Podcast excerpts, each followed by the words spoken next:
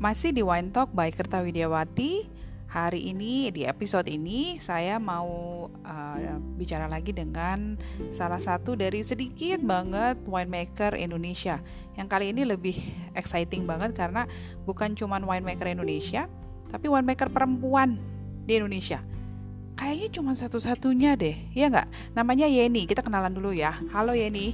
Hai. Kenalin diri dulu deh, namanya siapa, asal dari mana, terserah deh. Status apa gimana terserah.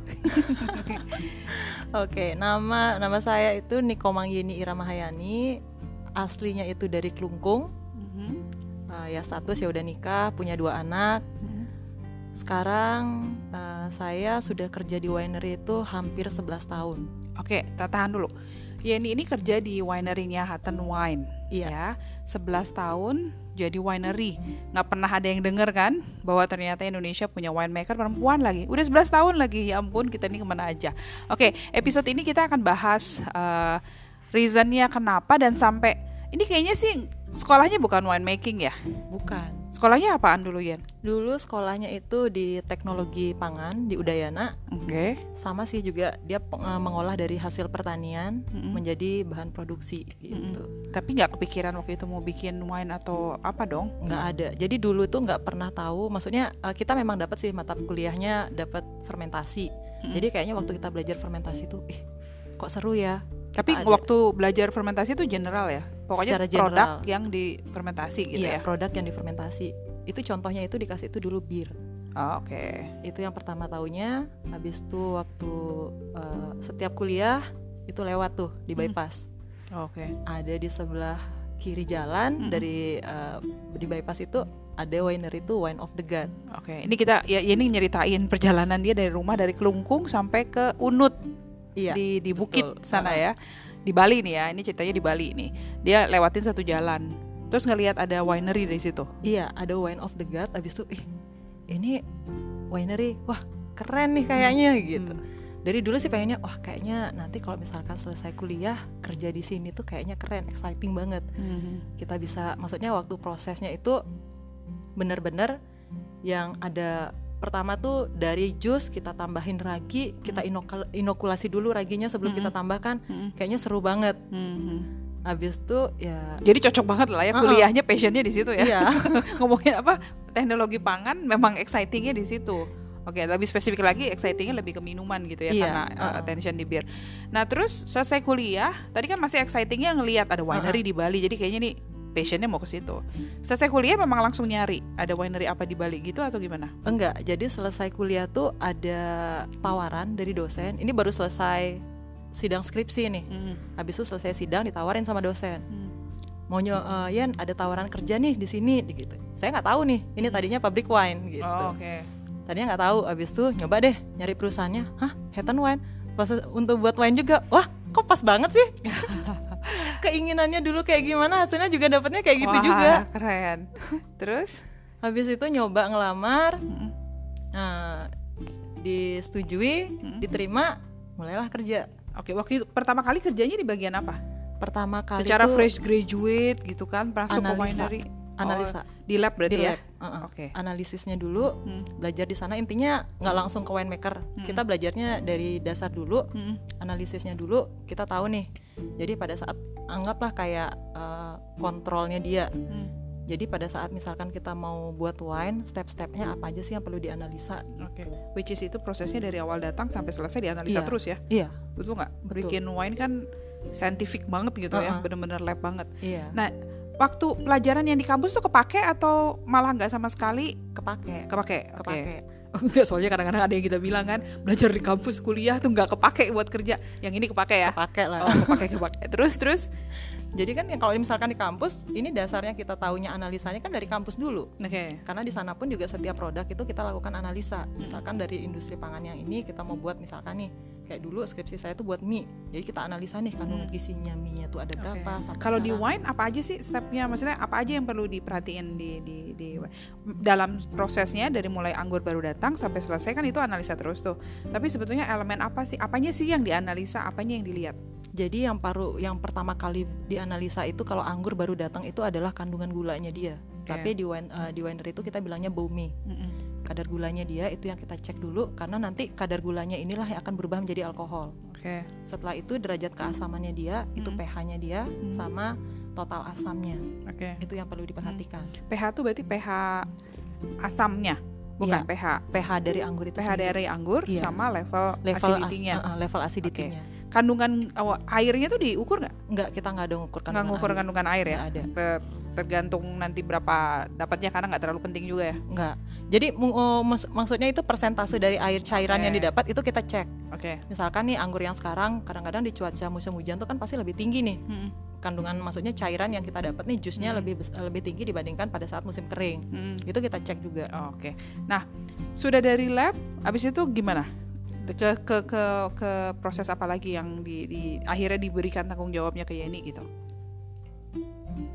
Jadi de, setelahnya di lab di lab itu langsung belajar nih. Hmm. Belajar dulu itu yang pertama tetap dari winemaker yang sekarang Hmm. itu yang ngasih kesempatan Hmm. itu belajar untuk Tunggu, ketemu berapa winemaker di di Hutton? jadi itu tiga Tiga winemaker tiga ya? winemaker Tiga winemaker beda-beda nggak sih caranya? Eh, beda-beda Oke. tapi semuanya itu ngasih bener-bener yang ngajarin banget Ketiga-tiganya tuh ngajarin banget Ya iyalah kalau nggak diajarin hidup mereka lebih susah kan karena mereka harus kerjain sendiri. Iya. Bener gak sih?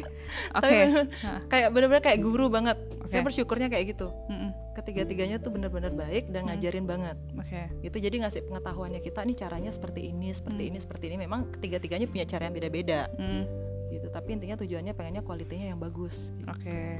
Jadi eh, mentoringnya luar, luar biasa ya. iya Jadi mulai dari lab turun ya, mulai langsung ke ke ke proses pembuatan belajar satu step by Iya. stepnya gitu. Iya, jadi dari lab pun pada saat kita kerja di lab pun kita harus tahu juga Mm-mm. prosesnya, biar tahu kita tahapannya seperti apa. Mm-mm. Dari lab tuh kita tahu pros- eh, tahapannya, tahapan proses pembuatan wine-nya itu seperti apa. Mm. Kita belajarnya di sana juga.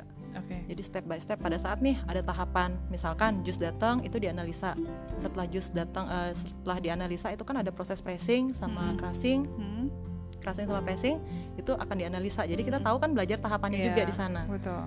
Setelah kita tahu tahapannya, kita Mm. juga lihat di lapangan kerjaan anak-anak seperti apa sih. Kita harus tahu juga itu. Oke, karena eh, maunya si winemaker harus di Harus- jangan sampai salah di proses gitu ya. Iya, jangan sampai banget. salah salah di proses. Heeh. Itu berarti eh, seru banget ya. Jadi setiap hari passionnya di situ, ke- ketertarikannya di situ. Belum jadi passion ah, udah passion ya. Udah. Ketertarikannya di situ. Habis gitu eh, ketemu belajar sambil kerja gitu kan ya. Itu Iya. yang luar biasa kan. Karena bener kalau orang kadang-kadang mintanya udah jadi gitu kan. Uh-uh. Ini ini belajar sambil kerja. Iya. Eh, apa kesulitan yang paling yang didapetin dari kurun waktu 11 tahun di winemaking ini kira-kira ada ngaruh nggak sih perempuan perempuan bisa nggak sih gitu atau tambah ada kesulitan lain karena jadi perempuan jadi winemaking gitu atau nggak ada pengaruh sama sekali gender tuh nggak berpengaruh Eh, tergantung ya. Hmm. Sebenarnya sih eh, gender tuh nggak berpengaruh, tapi tergantung orangnya juga. Memang sih yang pertama waktu saya baru datang itu kan disuruh analisa itu naik tangki. Iya. Itu Eh, kebayang. teman-teman bayangin naik tangki tangki berapa meter lah kira-kira yang Tangki. kemarin yang paling kecil itu sekitar yang 3000 yang 2 meter lah itu ada catwalknya. ya Nah ini yang 8000 nggak ada catwalknya dulu. mm, Udah mikir naik tangki, duh sanggup nggak ya? Itu Mm. tantangan banget yang pertama waktu Mm. baru masuk tuh. Tantangan banget. Abis berapa 8 meter eh 8 8.000 liter 8.000 liter tiga sekitar tiga deh. meteran ya. sekitar 3 Oke. meter oke habis itu tantangan banget tuh bisa nggak ya yakin nggak nih Mm. ya udah coba akhirnya mungkin karena kebiasaan Udah biasa terbiasa aja.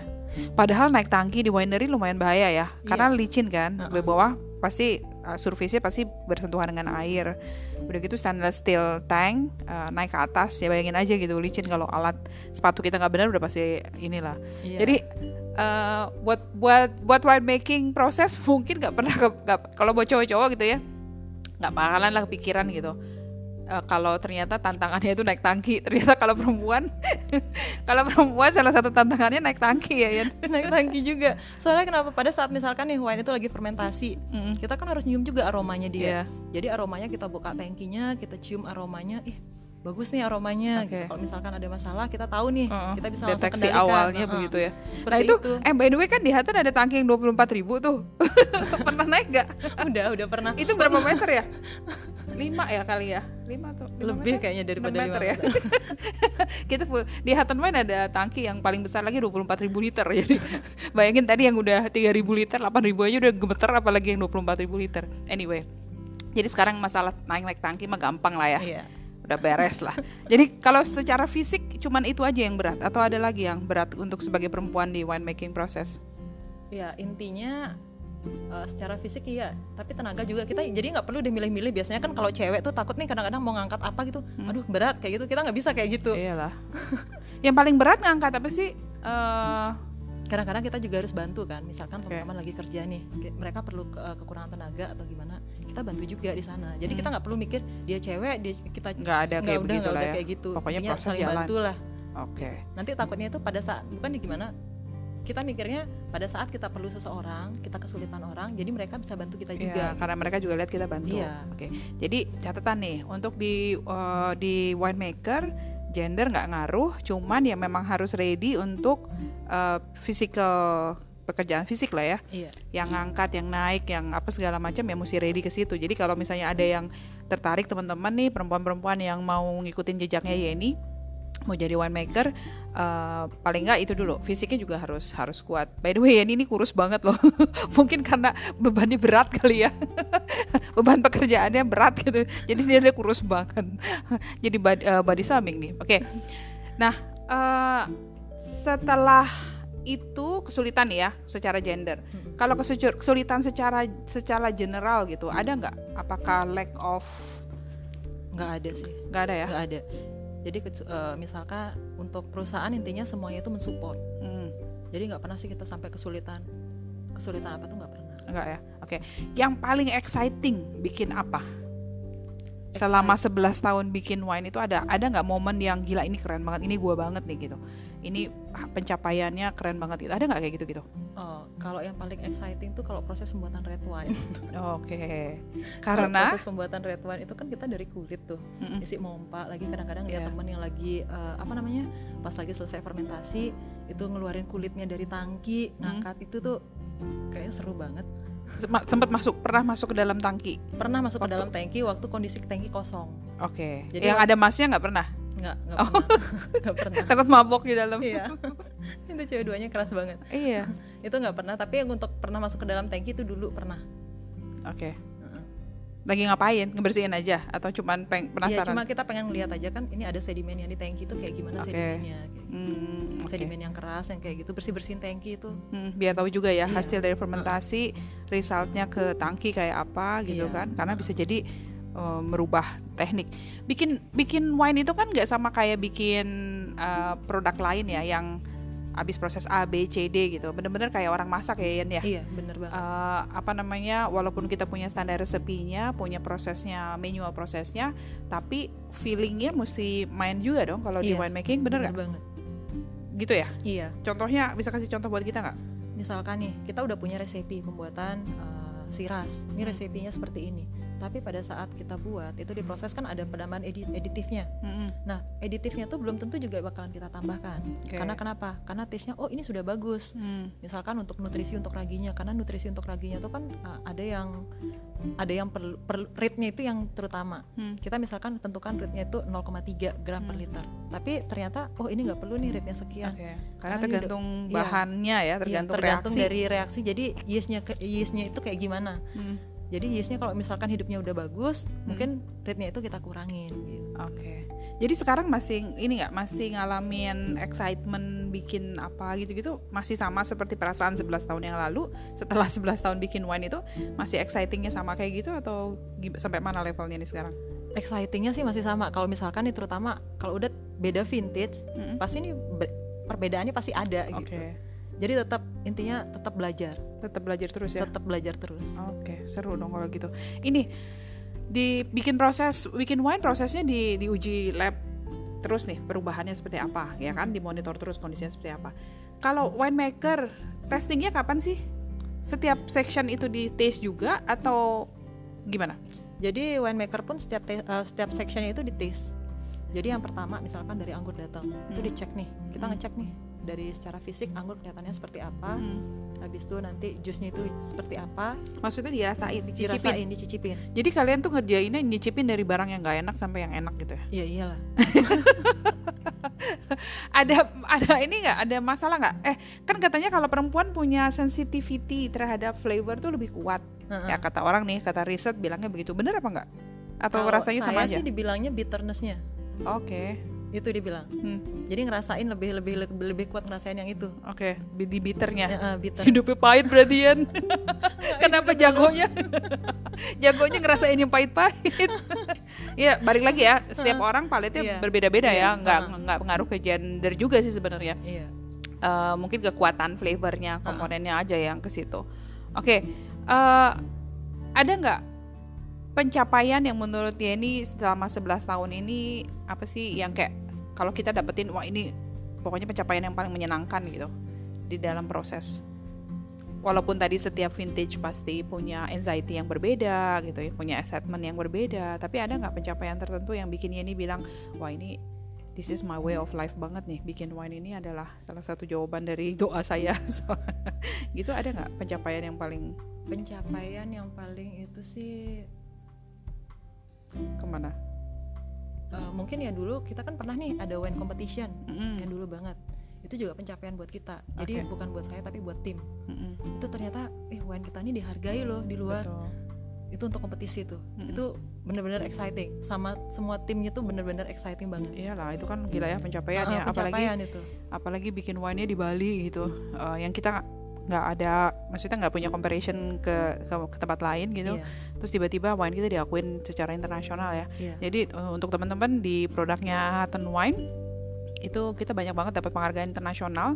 Nah ini salah satu uh, orang yang bertanggung jawab terhadap itu adalah uh, Yeni lah di situ Uh, apa namanya dengan tim di di winery yang bekerja sama sampai bisa menciptakan produk yang uh, diakui secara internasional. Salut juga sih luar biasa gitu ya pencapaiannya. Uh, Oke, jadi salah satu excitementnya adalah pencapaian tadi ya pencapaian hasil tim berdasarkan hasil uh, apa namanya pencapaian menang kompetisi internasional. iya Oke, Uh, mau rencana ke depannya mau ngapain ya? Masih tetap di situ kah? Mau di tetap di winemaking atau? masih tetap di eh, di winemaking karena udah ketemu feel-nya Oke, gila ini ini enak banget nih. Orang yang kerja udah ketemu feel-nya. Jadi kerja itu bukan cuma buat finansial, Hmm. tapi buat kepuasan batin gitu nggak? iya nggak bener sih? banget itu luar, luar biasa banget. Nah, sekarang Yan, untuk teman-teman kita yang pada dengerin podcast, yang kepingin ikutin jalurnya Yeni, jadi winemaker, tipsnya apa? tipsnya ya intinya gimana sih Eh, Apakah jalur pendidikannya dulu harus apa dulu gitu atau ya, gimana? otomatis jalur pendidikannya tuh harusnya nyarinya teknologi pangan dulu kalau misalkan di Indonesia ya karena di Mm-mm. Indonesia kan di sini belum ada nih eh, apa kuliah khusus tentang wine Oke. seperti di luar negeri Mm-mm. di Indonesia kita belum ada yang seperti itu kalau Mm-mm. misalkan ada yang mau juga keluar di eh, apa kuliah Harus di luar keluar. negeri nggak apa-apa gitu tapi di Indonesia ya setidaknya kita tahu lah dasar-dasarnya Hmm, tentang pengolahan pangan tuh seperti apa Oke. Dari situ barulah iya kalau mau jadi winemaker ya approach lah winemaker gitu ya. Approach lah winery lah ya yang Winery bikin dulu, bikin iya. wine gitu. Jadi nggak ada pilihan bahwa backgroundnya dulu harus ke sana. Berarti Yan keren banget secara secara kalau kemarin saya ngobrol sama uh, winemaker Indonesia lain ya Jeremy ya. Heeh. Jeremy kan memang dia belajar, dia sekolah keluar dia belajar. Sementara kalau Yeni punya basicnya dari teknologi pangan, tapi setelah itu otodidak dong logikanya ya. iya Otodidak dengan mentor ada tiga winery, eh, tiga winemaker yang sudah eh, mementorkan eh, Yeni sampai dengan sekarang. Jadi kalau mau lihat keren banget loh, Iya kan luar biasa pencapaiannya dari otodidak ternyata bisa gitu ya. Oke, jadi tadi eh, pesan eh, ada beberapa eh, summary yang kita bisa ambil dari pembicaraan kita dengan Yeni. Yang pertama mau jadi winemaker ternyata gender nggak ngaruh, tapi memang ke kekuatan ya, kekuatan atau ketahanan eh, fisikal juga harus eh, salah satu yang menjadi pertimbangan karena pekerjaan jadi eh, winemaker ternyata banyak sekali pekerjaan fisiknya gitu kan. iya. Eh, itu satu. Yang kedua find your own passion. Jadi kalau ketika sudah uh, passionnya ada di situ, uh, cari dulu foundationnya tadi uh, solusinya. Salah satunya kalau mau belajar di luar silahkan belajar wine tapi kalau di dalam paling tidak teknologi pangan dulu ya. Iya. teknologi pangan sebagai basic untuk bisa lanjut ke proses berikutnya. Keren banget ya mudah-mudahan menginspirasi nggak banyak winemaker Indonesia apalagi perempuan. Iya. dan kita baru sadar sekarang melalui podcast ini mudah-mudahan menginspirasi banyak teman-teman di luar sana bahwa uh, menjadi profesi uh, salah satu profesi yang bisa kita lirik juga loh uh, apa namanya uh, winemaker uh, di Indonesia. Congratulations ya ini untuk achievementnya. Uh, mudah-mudahan mau nanti diajak ngobrol lagi di podcast berikutnya ya. Oke. Okay. Sip. Oke. Okay uh, itu teman-teman pembicaraan kita dengan salah satu dari sedikit winemaker Indonesia terutama yang perempuan dan kayaknya baru satu-satunya di Indonesia yang perempuan. Achievement luar biasa. Bagaimana perjalanan uh, Yeni dari uh, mulai sekolah di teknologi pangan sampai dengan sekarang 11 tahun ada di winery-nya uh, Hutton Wine. Semoga cerita ini memberikan inspirasi untuk teman-teman semua. Kalau ada yang tertarik di winemaking proses, paling tidak uh, Yeni bisa jadi salah satu uh, inspire lah untuk bisa mendorong teman-teman sampai ke titik seperti ini saat ini. Tetap di podcast by Kerta Widiawati Wine Talk. Sampai episode berikutnya. Bye. Bye.